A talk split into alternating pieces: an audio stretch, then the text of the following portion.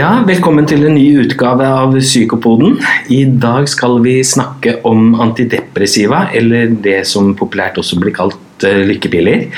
I, dag er vi også så heldige å ha med oss eh, professor emeritus Ulrik Malt. Velkommen. Takk skal du ha. Ja, du er også uh, leder for Norsk psykiatrisk forening. Det stemmer også. Så du har mange verv i norsk psykiatri? Det har jeg. Ja. Hvis vi begynner litt sånn med antidepressiva, kan du, kan du prøve å begynne å fortelle litt om hva, hva er det for noe? Det er en type legemidler som påvirker kommunikasjonen mellom nerveceller. Og som uh, da i neste omgang fører til at symptomer på depresjon kan bli lettere. Tenker du det er et fint navn med lykkepiller? Nei, det er helt misvisende. Og grunnen til det er at hvis man ikke lider av depresjon eller også angst, som disse brukes mot, så vil disse eh, legemidlene utelukkende ikke ha effekt, eller i hvert fall også kunne gi bivirkninger. Mm. De vil ikke gi lykke på noen som helst måte. Begrepet ble uh, introdusert i USA fordi det var en del som hadde hatt kronisk angst og depressive symptomer i årevis så begynte de med disse legemidlene, og så følte de seg mye bedre. Akkurat som de fikk lykken i livet tilbake. Mm. Men det var altså en antidepressiv effekt. Mm. Vi, vi, har jo veldig mange forskjellige typer, og du sa, gikk tilbake til USA. Når, når, kom de, og hva var de første? Eh, det første eh, legemiddelet som ble introdusert i Norge, det var noe som kjemisk heter paroxetin, som er handelsnavnet Seroxat. Omtrent samtidig så kom det også et antidepressiv legemiddel som riktignok ikke er en lykkepille, eller det som vi fagfolk kaller serotoninreotakshemmer, men som har en litt annen mekanisme, nemlig et legemiddel som het Mianserin, eller med da handelsnavnet Tolvon. Så det er altså, hvis det kom omkring 1980 80, så begynner det da faktisk snart å bli 40 år siden. Snart 40 år siden. Er dette de SSRI-ene eh, mest, eller er det eh, forskjellige andre grupper også? Eh, ja, det fins flere forskjellige grupper. Mm. De, de, klassiske, for å si det sånn, som misvisende altså er kalt lykkepiller, det virker primært på opptak av en signalsubstans mellom nervecellene. Sånn at når den uh, substansen skilles ut, serotonin, så vil disse legemidlene hindre at det suges opp igjen fra det punktet i nervecellen blir skilt ut. Mm. Men det er bare én mekanisme som brukes. Så fins det også legemidler som har litt bredere effekt, som både hindrer gjenopptaket av serotonin, men også av noradrenalin, som er en annen signalsubstans. Mm. Det er vel effeksor, er det det vanlige navnet på det? Det er effeksor, eh, eller det generiske som vi sier, altså det kjemiske navnet, for å si det litt mer folkelig. Eh, det er da Venlafaxin. Ja. Men før disse SSRI-ene og disse kom, så hadde vi noe som het trisyklisk antidepressiva. Hvordan er de i forhold? Jo, uh, trisyklisk antidepressiva ble kalt det fordi at uh, den kjemiske strukturen hadde tre ringer. Derfor er det tri, som er tre, og syklisk, som da er en ring. De eh, virket ikke bare på serotonin og noradrenalin, men på en rekke andre signalsubstanser. Det medførte at de for så vidt hadde en ganske sterk effekt. Problemet er at når du påvirker så mange signalsubstanser, så får du mye flere bivirkninger. Og dessuten, hvilket var et stort problem, så øker det også risikoen for død hvis eh, en pasient tok dette i store doser. Det er i motsetning til de nye legemidlene, som gjennomgående ikke har noe særlig forøket risiko for død hvis du tar for store doser. Ja, Så de trisykliske antidepressiva er mer toksiske enn disse De var mer giftige, som vi vil si, på folkespråket, eller toksiske, da, kanskje, som vi leger vil si. ja. Nå har Du jo gått, du har sagt litt om serotonin, litt om noradrenalin. Kjenner vi virkelig virkningsmekanismen? Har vi noen formening om hvordan disse virker? Ja, vi har en viss formening, men de virker jo mye bredere enn det man skal tro. Den klassiske effekten, virkningsmekanisme, er jo at det altså hindrer altså gjenopptaket av signalsubstansen eh, serotonin i den eh, cellen, nervecellen som har skilt det ut. Dermed så blir det mer serotonin mellom disse to uh, nervecellene, og dermed større påvirkning på den nervecellen som ligger efter. Fordi at det er sånn i nervesystemet at det er kommunikasjon mellom nerveceller skjer kjem, kjemisk. Problemet, eller ikke problemet, men utfordringen er at vi vet i dag at det virker på en rekke andre områder. Bl.a. så eh, påvirker det immunsystemet faktisk på en positiv måte. Og det ser også ut til at det kan bidra til å øke antallet forbindelser mellom nerveceller, eller det vi kaller på fagspråket synapser. Mm. Sånn at uh, når det gjelder virkningsmekanisme, så er altså den veldig komplisert. Og det å si at det bare virker på serotonin, er nok en forenkling. Mm. Eh, vi, vi, kan jo fokusere litt mer på, på, depresjon her. tenker jeg. Du nevnte at de også virket på angstlidelser bl.a. At de mm. hadde flere ulike mekanismer. Når sånn klinisk skal man eh, bruke antidepressiva? Før jeg svarer på det, så må jeg minne om én ting. Det skal du få lov til. Takk. Og det er at depresjon er et veldig upresist begrep for uh, vanlige folk. Det kan egentlig sammenlignes med en form for psykisk feber. Og vi vet det at hvis du har feber, så kan det skyldes veldig mange ulike ting, og skal da også behandles ulikt. Så når folk sier at de er deprimert, så kan det være at de er deprimert sånn som vi psykiatere og psykologer vil si er en depresjon. Men det kan også skyldes helt andre ting. Det kan være bivirkninger av et legemiddel de får pga. en legemlig sykdom. Det kan uh, være en uh, infeksjon i kroppen. Uh, det kan være ledd i en annen psykisk lidelse, som er da det primære, f.eks. ved schizofreni så er det eh, veldig mange som kan ha depresjon osv. osv. Og det betyr at før man begynner å bruke et antidepressivum, så må man gjøre en grov kartlegging for å avgjøre om det, finnes, om det foreligger en depresjon i vanlig psykiater-psykolog-betydning, eller om det er andre forhold som ligger i bunnen. Mm. Du, du, har jo sagt Eh, tidligere, husker jeg, at eh, diagnosen er nødvendig, men ikke tilstrekkelig. Gjelder dette også når du skal bruke antidepressiva? Ja, det gjør du i høy grad. Mm. Fordi at hvis du har en depresjon, så kan jo det også skyldes betydelige psykososiale belastninger. Eh, smertefulle opplevelser i livet, ofte knyttet til partner eller til jobb. Og effekten av antidepressive legemidler er primært knyttet til dybden av den depresjonen. Så det betyr at hvis det er veldig mye psykososiale stress og belastninger, og særlig hvis de ikke har hatt noe depresjoner før, så vil man jo ofte primært tenke på en eller annen form for eh, psykologisk eh, intervensjon. Eventuelt det som kalles en spesifikk psykoterapi. Mens eh, antidepressiver kommer først inn når depresjoner blir mer uttalt eller mer alvorlig. Så, så lette depresjoner Altså, det vil eh, Anbefaler du på en måte å behandle med psykoterapeutiske metoder? Det vil jeg vanligvis gjøre, men det fins unntak. Hvis du tidligere har hatt mange depressive episoder hvor du også har vært iallfall noen ganger alvorlig deprimert, da uh, ser det ut til at antidepressive virker like godt, og antagelig også noen ganger bedre. Mm. Så man må se litt på sykehistorien også. Mm. Og så er det jo selvfølgelig helt avgjørende hva pasienten selv ønsker. Ønsker de primært å forsøke en psykologisk behandling, så vil de selvfølgelig respektere det. Så, så, lette depresjoner, da er det ofte psykoterapi, men ta litt hensyn til hvordan historien har vært, eventuelt antall episoder og sånne ting. Det er helt riktig, det må vi gjøre. Hva med moderate til alvorlige depresjoner?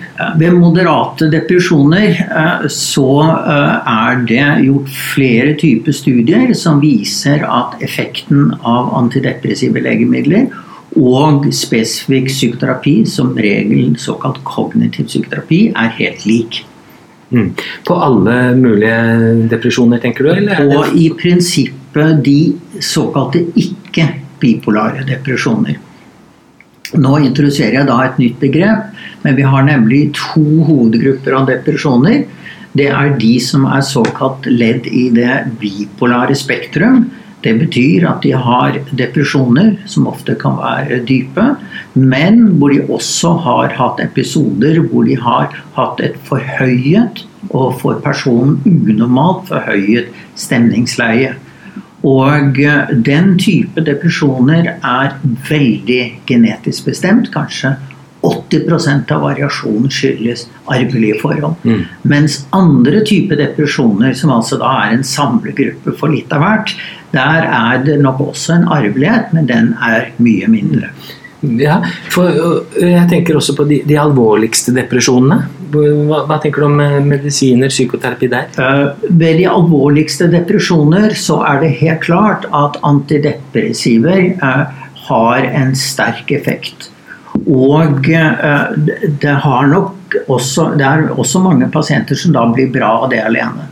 Men generelt sett så ser det jo ut til at hvis man gir tillegg av psykologisk behandling, eller det vi kaller psykoterapi, så får du det aller beste resultatet. Mm. Men psykoterapi alene ved de dypeste depresjoner eventuelt som går så langt at du får vrangforestillinger, altså depressive vrangforestillinger, der fungerer psykoterapi alene ikke optimalt. Mm. Så, så, jo dypere depresjonen er, jo mer effekt har antipsykotika.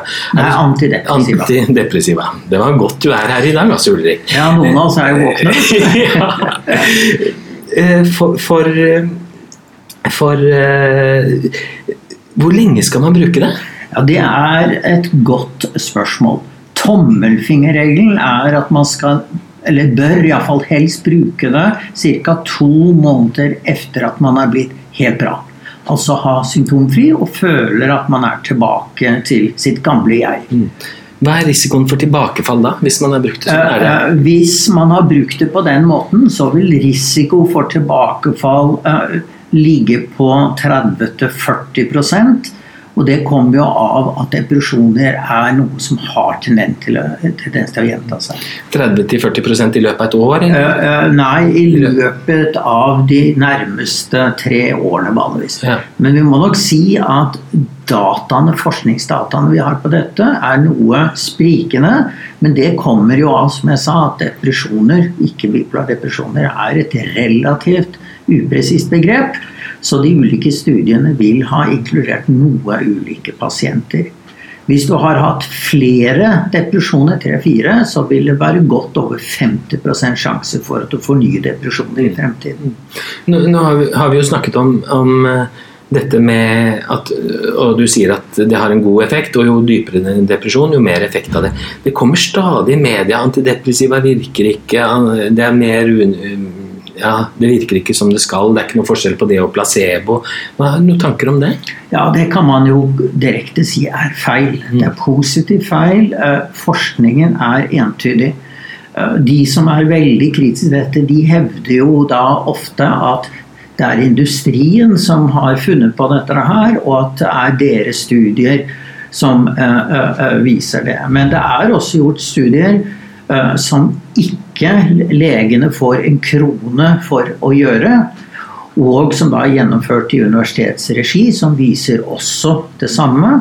Og helt industriavhengige uh, uh, institusjoner, f.eks.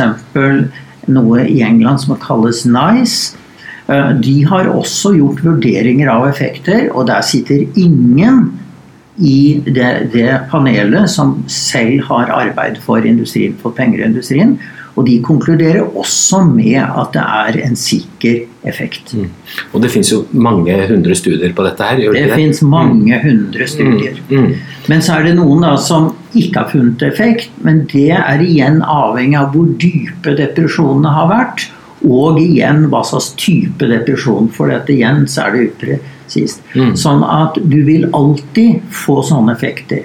Samme har man fått ved psykoterapi. Flere studier viser at det heller ikke har noe effekt i forhold til å snakke med en fornuftig lege.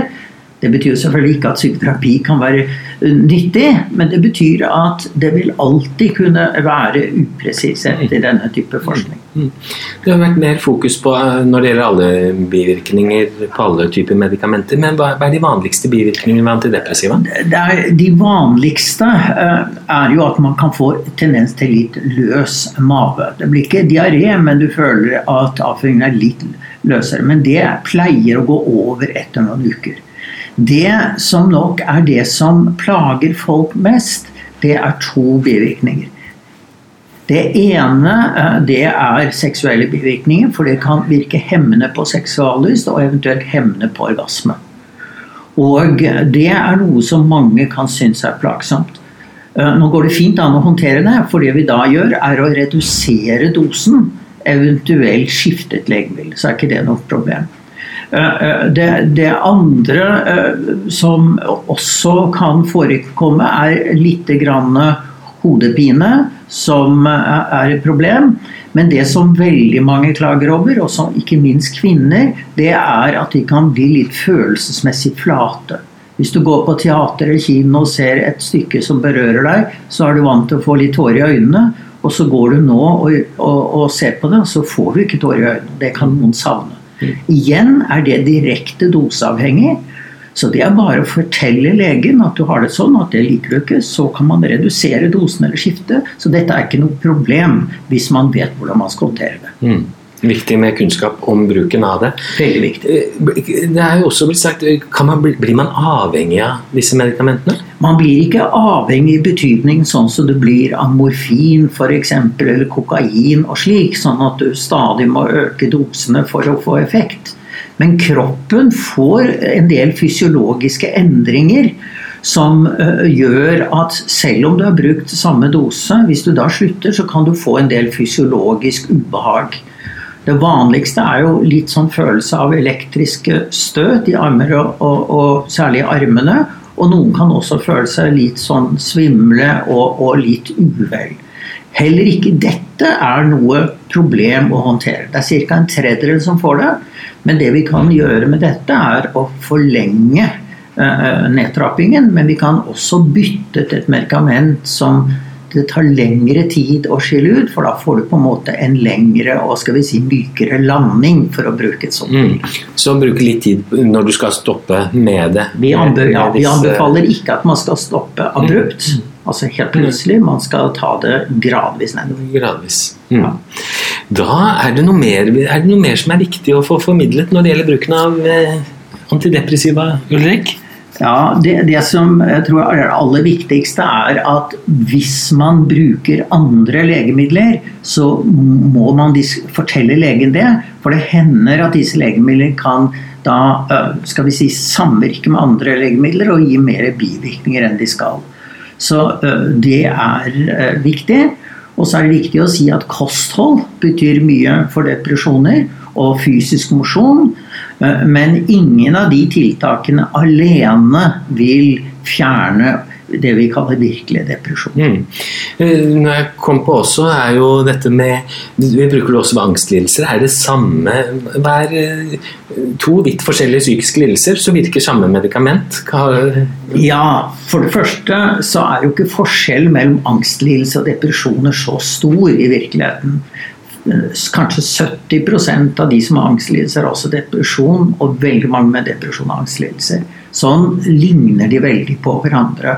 Eh, det er det ene. Det andre er at man tror jo at også det er lignende endringer i nerveceller kommunikasjon ved angstlidelser. Men så må jeg da igjen minne på at disse virker jo ikke bare på disse signalsubstansene. Og eksakt hvordan de virker på alle de andre hjernefunksjonene, vet vi ikke helt sikkert.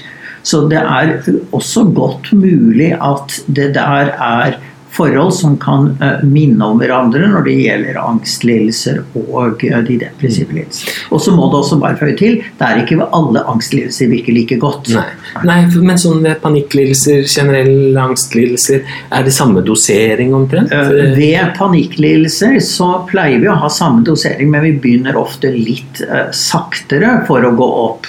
Men det virker nok best på sosial angst. Der det er sterkest. Mm. Ved kronisk generalisert angstlidelse så er effekten noe svakere. Mm, mm. Da tror jeg vi har fått veldig mye informasjon ja, om bruken av antidepressiva. Så da høres vi, og tusen takk til deg, Ulrik Matt. Bare hyggelig. Dette er viktig å informere om, så det er flott at dere har tatt et initiativ. Takk for at du kom.